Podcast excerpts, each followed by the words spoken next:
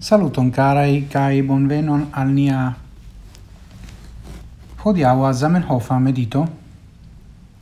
Hodiau mi volas legi alian verkon de Zamenhof el la gazeta articoloi el la Esperantisto.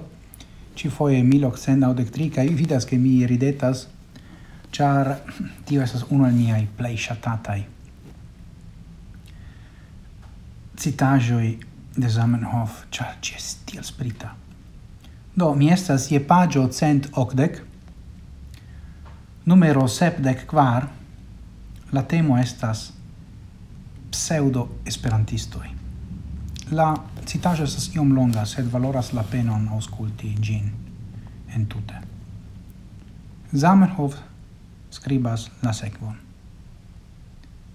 De tempo al tempo, Ni ricevas de diversai flancoi leteroin pli mal pli en la maniera de la sequanta letero de signoro Ixo, cio cuscias nun anta uniai oculoi. Iam longe mine scribis al vi, cae vi credeble iam pensas che mi, ciu iam varma amico de la lingua esperanto, nun iam forgesis prigi. Se vi tiel credas vi eraras, mi ciam restos varmega amico de esperanto, cae mi neniam gin forgesos. Sed ciam mi comencis sia tempe labori por Esperanto, mi rencontis tiom da malfacilagioi, che mi vole ne vole devis lasi, fali la manoin. Cai venis alla convinco che nulla mondo ne estas ancora matura per tiu grande ideo. Sed estu tutte certa, che ciam nur la circostanzoi, shangigios, cae la surdezzo cae indifferentezzo della mondo pasos, vi tui vidos min nella vice della plei energia e batalantoi.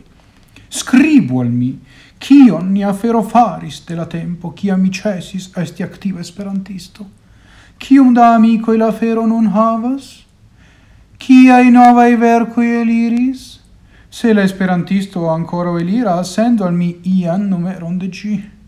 En tut estus bone, se vide tempo al tempo sendus al mi ian novajon pri Esperanto, porche mi ne tute forgesu pri gi cotopo, cotopo. Ne vere, amicoi, kia edifa cae granda anima maniero de pensado, ciam dank al niai senlacae, pacienzae cae malfacilae e niai deo fine vencos, ciam ni pos iam devisci la sviton de niai frontoi, cae pos la eternae chagrenoi, malagrablajoi, malagra cae mocoi levi la capon cae rigardi con plesuro la fructo in denia laborado, tiam, signoro Ixo, tui aligios al ni, cae post la venco li farigios uno la plei energiai con batalantoi. E crio, e crio, e crio. Dume la mondo ne estas ancora matura, cae tial signoro Ixo en tia grado ne povas esti activa esperantisto, che li ne povas ec por sia propra persona bonila esperantisto, kiu havas por li ciam grandan indon, cae sian aldonitezon al nia fero li esprimas per tio, che li petas nin, havanta intro multe da libera tempo, scribadi al li, de tempo al tempo letere pri la stato de nia fero. Ne, signoroi pseudo esperantistoi, estas vero, che cia nova utile deo en la comenzo devas tre malfacile batali, cae pli au mal pli frue Gi vencas. Do, vidu. Kiu estas vera esperantisto kaj kiu estas pseudo esperantisto? Fine. La distingo estas la lingvo uso. Ĉu io uzas la lingvon aŭ ne? Aŭ ĉu io aliĝas al la ideo? non de nove modas tiu ideo de amico de Esperanto. Kial? Kion ili portas? Ĉu ili portas monon?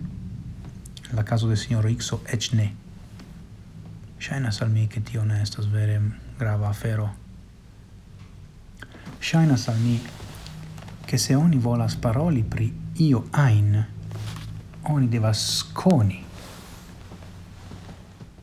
pri cio riparolas. Ĉu ne?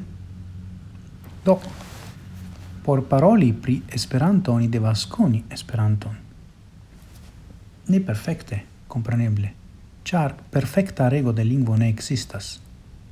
Sed, dece,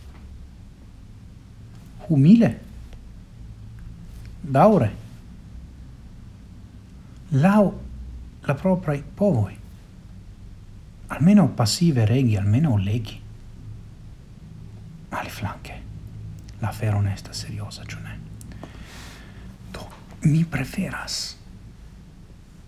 E diru alla liai. Tio esas si omette secreto, mi preferas. Dec verain esperantistoin. pseudo-esperantisto.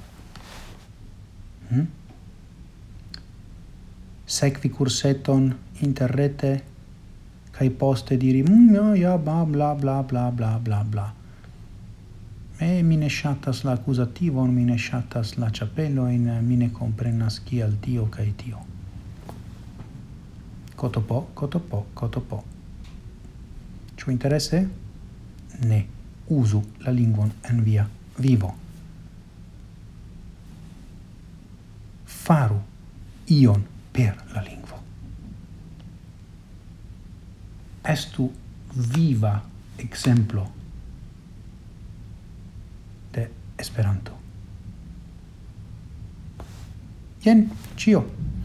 Mi scias che mi predicas al credantoi, char se vi aligas alla medito serio tio signifas che fine besonas tio in vorto. In tamen per me su estas tiel sprita ĉu ne?